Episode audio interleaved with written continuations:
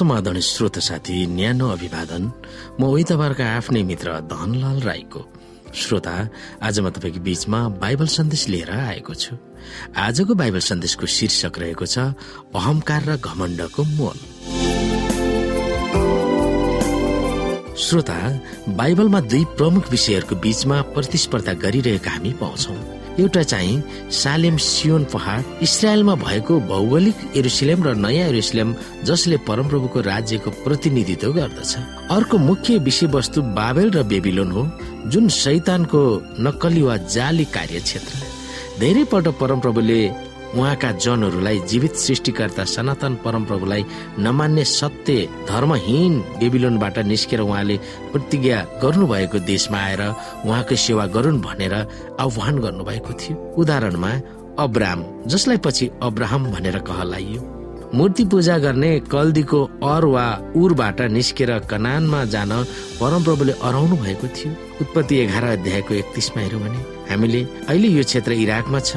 धेरै समयको निर्वाचनपछि यहुदीहरू बेबिलोनबाट आधुनिक इराक अथवा एरुसलेममा फर्केका थिए र प्रकाशको पुस्तकमा परमप्रभुका जनहरूलाई युगको अन्तको बेबिलोन भनेर बेबिलोनबाट निस्केर उहाँमा गाँसिएर बस्न आह्वान गरिएको छ अनि उहाँसँगै सियोन पहाड र नयाँ एरुसलेममा तिनीहरू रहनेछन्। स्वर्गकै वातावरणमा रहेको लुसिफरको घमण्ड आफ्नो भाव खोज्ने प्रवृत्ति र अहंकारले गर्दा जगत र पृथ्वीलाई लामो समयसम्म कसरी असर पार्यो? हामी यहाँनिर हेरौँ यसै चौध अध्यायमा ए बिहानको तारा प्रभातको पुत्र त स्वर्गबाट कसरी खसेको छस्? अहिले जाति जातिहरूलाई होच्याउने त कसरी भुइँमा तल खसालिस? तैले आफ्नो हृदयमा भनिस् म स्वर्गमा उक्लने छु परमेश्वरका ताराहरू भन्दा माथि म मेरो सिंहासनलाई उच्च पार्नेछु। पवित्र पर्वतको सबैभन्दा उच्च टाकुरामा सभासदको पर्वतमा म विराजमान हुनेछु। म बादलको टुप्पा भन्दा माथि उक्लनेछु म आफूलाई सर्वोच्च परमेश्वर जतिकै बनाउनेछु। तर त चिहानसम्म खाडलको तल्लो गहिराईसम्म होच्याइस बाइबलमा बेबिलोन सहर परमप्रभु र उहाँको राज्यको सिधै विपक्ष वा विरोधी शक्ति भनेर औल्याइएको छ। र बेबिलोनको राजा नबुक दनेश्वरलाई पनि विशेष इङ्गित गरिएको छ। घमण्ड अहंकारी अरूलाई दमन गर्ने र अभिमानीको प्रतीक हुन गएको छ। राजा नबुक दनेश्वरलाई ठुलो मूर्तिद्वारा बेबिलोन साम्राज्य केवल सुनको टाउको मात्र हो र उनको पछि आउने साम्राज्यहरू कमसलका हुन्छन् भनेर परमप्रभुले प्रकट गर्नुभएको थियो। परमप्रभुको प्रकटीकरणलाई चुनौती दिएर राजाले पुरै सुनको मूर्ति बनाए।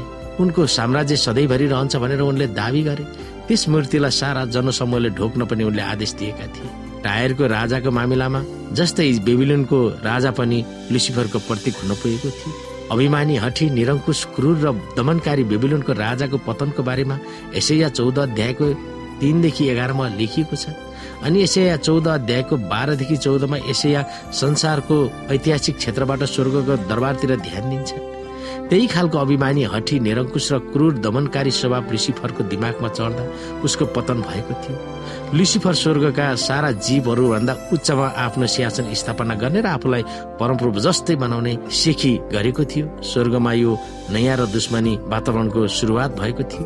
परमप्रभुको सर्वहित खोज्ने प्रेम र सहयोगलाई लुसिफरको स्वार्थपना र प्रतिस्पर्धा गर्ने मनस्थितिले चुनौती दिएको थियो।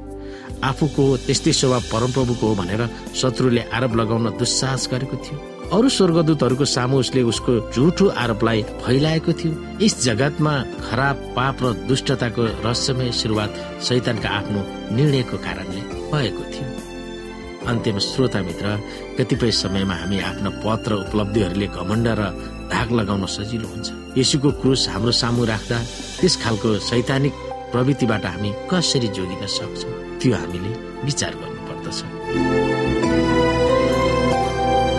श्रोता साथी आजको लागि बाइबल सन्देश यति नै। हस्त नमस्ते जय मसिंह।